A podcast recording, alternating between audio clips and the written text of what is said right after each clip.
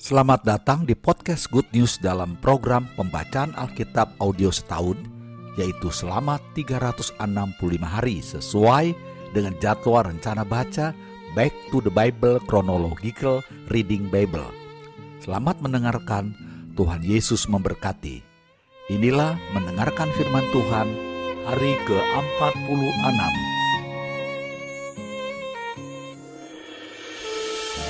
Imamat pasal 8 ayat 1 sampai 36.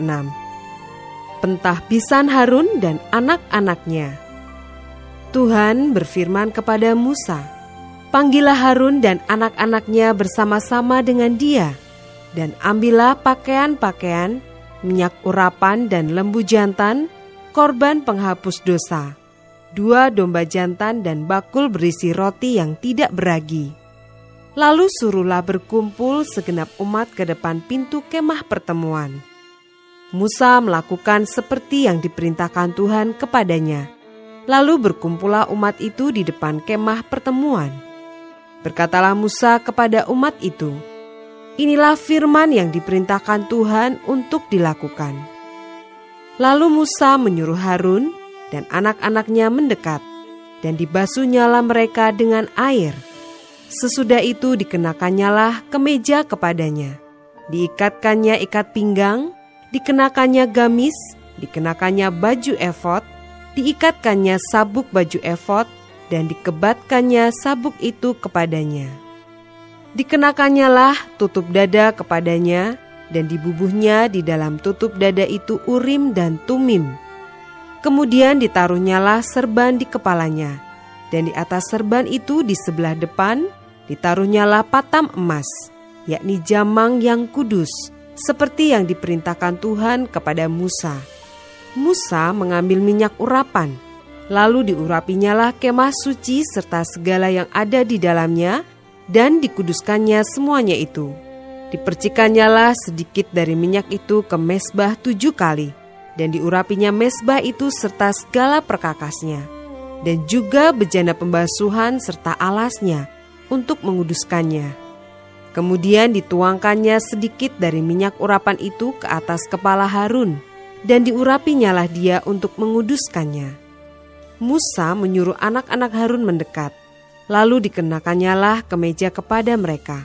Diikatkannya ikat pinggang dan dililitkannya destar, seperti yang diperintahkan Tuhan kepada Musa Disuruhnyalah membawa lembu jantan korban penghapus dosa. Lalu Harun dan anak-anaknya meletakkan tangannya ke atas kepala lembu jantan korban penghapus dosa itu. Lembu itu disembelih. Lalu Musa mengambil darahnya. Kemudian dengan jarinya dibubuhnyalah darah itu pada tanduk-tanduk mesbah sekelilingnya. Dan dengan demikian disucikannyalah mesbah itu dari dosa. Darah selebihnya dituangkannya pada bagian bawah mesbah dengan demikian dikuduskannya mesbah itu dan diadakannya pendamaian baginya. Diambillah segala lemak yang melekat pada isi perut, umbai hati, kedua buah pinggang serta lemaknya. Lalu Musa membakarnya di atas mesbah.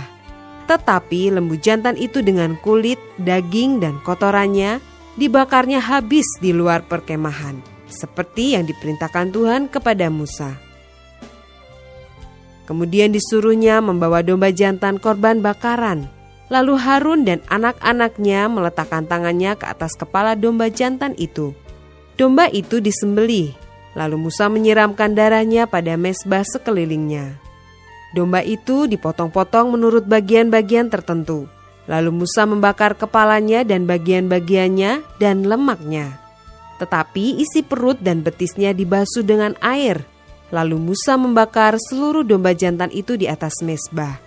Itulah korban bakaran yang baunya menyenangkan, yakni suatu korban api-apian bagi Tuhan, seperti yang diperintahkan Tuhan kepada Musa. Kemudian disuruhnya membawa domba jantan yang lain, yakni domba persembahan pentahbisan. Lalu Harun dan anak-anaknya meletakkan tangannya ke atas kepala domba jantan itu.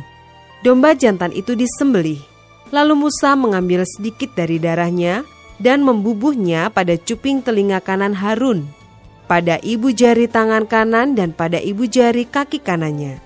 Musa menyuruh anak-anak Harun mendekat, lalu membubuh sedikit dari darah itu pada cuping telinga kanan mereka, pada ibu jari tangan kanan dan pada ibu jari kaki kanan mereka. Lalu Musa menyiramkan darah selebihnya pada mesbah sekelilingnya. Diambilnyalah lemaknya, ekornya yang berlemak, segala lemaknya yang melekat pada isi perut, umbai hatinya, kedua buah pinggang serta lemaknya, dan paha kanannya dan dari dalam bakul berisi roti yang tidak beragi yang ada di hadapan Tuhan, diambilnyalah satu roti bundar yang tidak beragi, satu roti bundar yang diolah dengan minyak, dan satu roti tipis. Lalu diletakkannya di atas segala lemak dan di atas paha kanan itu. Dan ditaruhnya seluruhnya di telapak tangan Harun dan di telapak tangan anak-anaknya. Dan dipersembahkannya semuanya sebagai persembahan unjukan di hadapan Tuhan. Kemudian Musa mengambil semuanya dari telapak tangan mereka, lalu dibakarnya di atas mesbah, yaitu di atas korban bakaran. Itulah persembahan pentahbisan untuk menjadi bau yang menyenangkan. Itulah suatu korban api-apian bagi Tuhan. Musa mengambil dada domba itu dan mempersembahkannya sebagai persembahan unjukan di hadapan Tuhan. Itulah yang didapat Musa sebagai bagiannya dari domba jantan persembahan pentahbisan itu, seperti yang diperintahkan Tuhan kepada Musa. Dan lagi, Musa mengambil sedikit dari minyak urapan dan dari darah yang di atas mesbah itu, lalu dipercikannya kepada Harun, kepakaiannya dan juga kepada anak-anaknya dan kepakaian anak-anaknya. Dengan demikian ditahbiskannya lah Harun, pakaiannya dan juga anak-anaknya dan pakaian anak-anaknya. Berkatalah Musa kepada Harun dan kepada anak-anaknya, Masaklah daging itu di depan pintu kemah pertemuan. Di sanalah harus kamu memakannya dengan roti yang ada di dalam bakul untuk persembahan pentahbisan, seperti yang telah kuperintahkan dengan berkata, Harun dan anak-anaknya haruslah memakannya. Dan apa yang tinggal dari daging dan roti itu, haruslah kamu bakar habis dengan api Janganlah kamu pergi dari depan pintu kemah pertemuan selama tujuh hari, sampai kepada genapnya perayaan pentabisan, karena perayaan pentabisan akan berlangsung tujuh hari lamanya. Seperti yang diperbuat pada hari ini, demikian juga diperintahkan Tuhan kamu perbuat kelak untuk mengadakan pendamaian bagimu. Di depan pintu kemah pertemuan haruslah kamu tinggal siang malam tujuh hari lamanya, dan kamu harus lakukan kewajibanmu terhadap Tuhan dengan setia, supaya janganlah kamu mati, karena demikianlah diperintahkan kepadaku. Maka Harun dan anak-anaknya melakukan segala firman yang diperintahkan Tuhan dengan perantaraan Musa.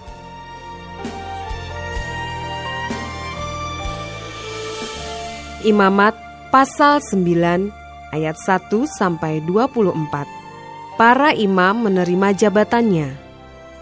Pada hari yang kedelapan, Musa memanggil Harun serta anak-anaknya dan para tua-tua Israel.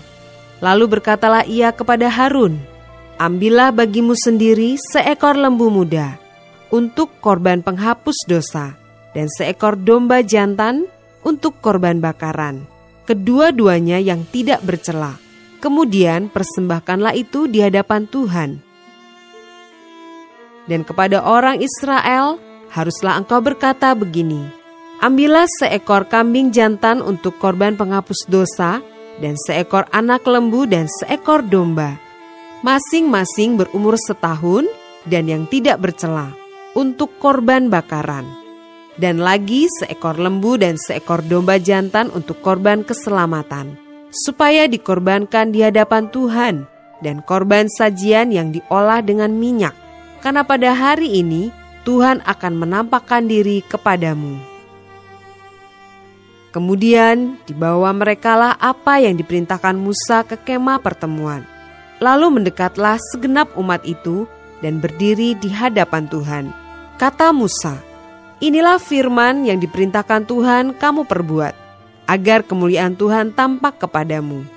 Kata Musa kepada Harun, Datanglah mendekat kepada mesbah, olahlah korban penghapus dosa dan korban bakaranmu, dan adakanlah pendamaian bagimu sendiri dan bagi bangsa itu. Sesudah itu, olahlah persembahan bangsa itu dan adakanlah pendamaian bagi mereka, seperti yang diperintahkan Tuhan. Maka mendekatlah Harun kepada mesbah, dan disembelihnyalah anak lembu yang akan menjadi korban penghapus dosa baginya sendiri. Anak-anak Harun menyampaikan darah lembu itu kepadanya, dan Harun mencelupkan jarinya ke dalam darah itu dan membubuhnya pada tanduk-tanduk mesbah. Darah selebihnya dituangkannya pada bagian bawah mesbah. Lemak, buah pinggang, dan umbai hati dari korban penghapus dosa itu dibakarnya di atas mesbah, seperti yang diperintahkan Tuhan kepada Musa. Tetapi daging dan kulitnya dibakar habis di luar perkemahan. Kemudian ia menyembelih korban bakaran.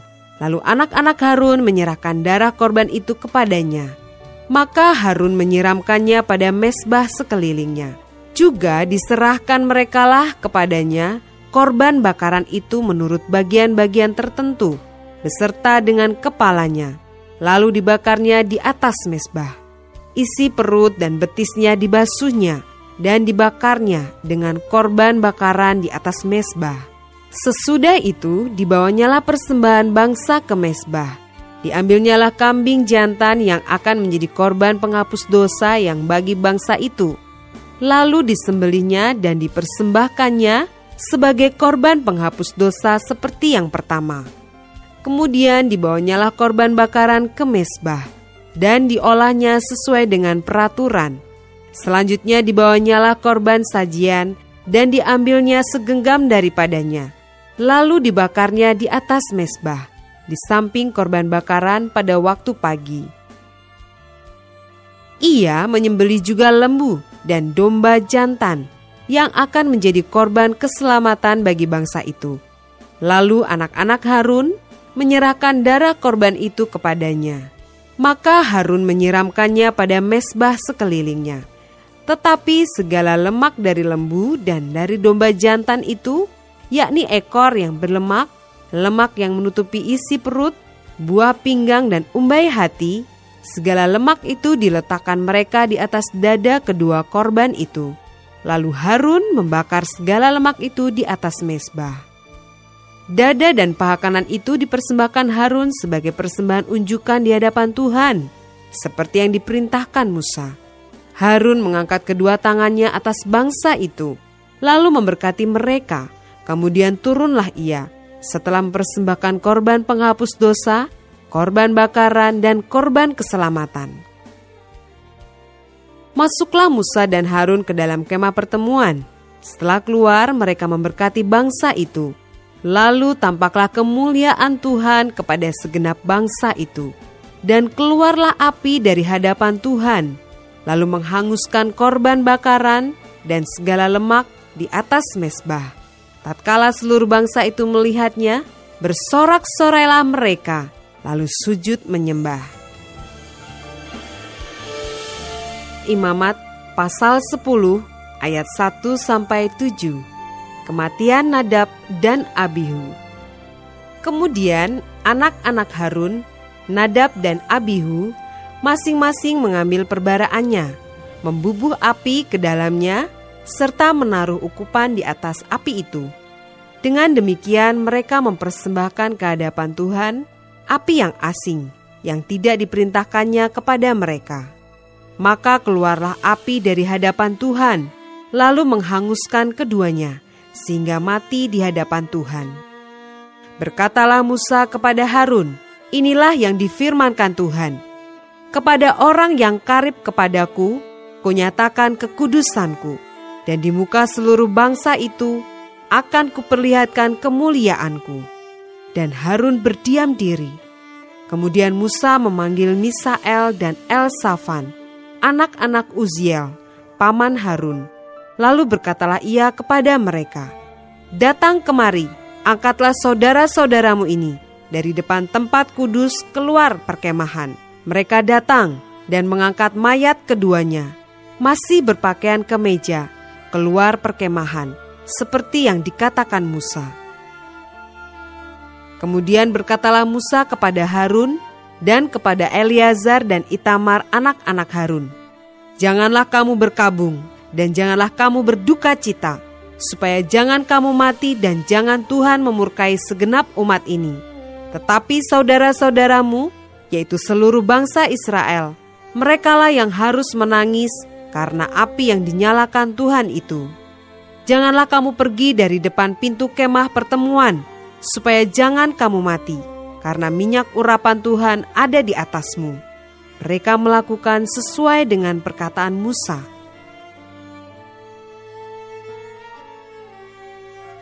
Ayat 8 sampai 11. Larangan tentang minuman keras bagi imam yang menyelenggarakan kebaktian. Tuhan berfirman kepada Harun, "Janganlah engkau minum anggur atau minuman keras, engkau serta anak-anakmu, bila kamu masuk ke dalam kemah pertemuan." supaya jangan kamu mati. Itulah suatu ketetapan untuk selamanya bagi kamu turun-temurun. Haruslah kamu dapat membedakan antara yang kudus dengan yang tidak kudus, antara yang najis dengan yang tidak najis, dan haruslah kamu dapat mengajarkan kepada orang Israel segala ketetapan yang telah difirmankan Tuhan kepada mereka dengan perantaraan Musa ayat 12 sampai 20. Bagian imam dari korban. Kemudian berkatalah Musa kepada Harun dan kepada Eleazar dan Itamar, anak-anak Harun yang tinggal itu. Ambillah korban sajian yang tinggal dari segala korban api-apian Tuhan, dan makanlah itu sebagai roti yang tidak beragi di samping mesbah, karena itulah bagian maha kudus haruslah kamu memakannya di suatu tempat yang kudus, karena itulah ketetapan bagimu dan anak-anakmu dari segala korban api-apian Tuhan, sebab demikianlah diperintahkan kepadaku. Dada persembahan unjukan dan paha persembahan khusus itu haruslah kamu makan di suatu tempat yang tahir. Engkau ini serta anak-anakmu laki-laki dan perempuan, karena semuanya diberikan sebagai ketetapan bagimu dan anak-anakmu dari segala korban keselamatan orang Israel. Paha persembahan khusus dan dada persembahan unjukan itu haruslah dibawa mereka ke tempat segala korban api-apian yang dari lemak itu, supaya dipersembahkan sebagai persembahan unjukan di hadapan Tuhan.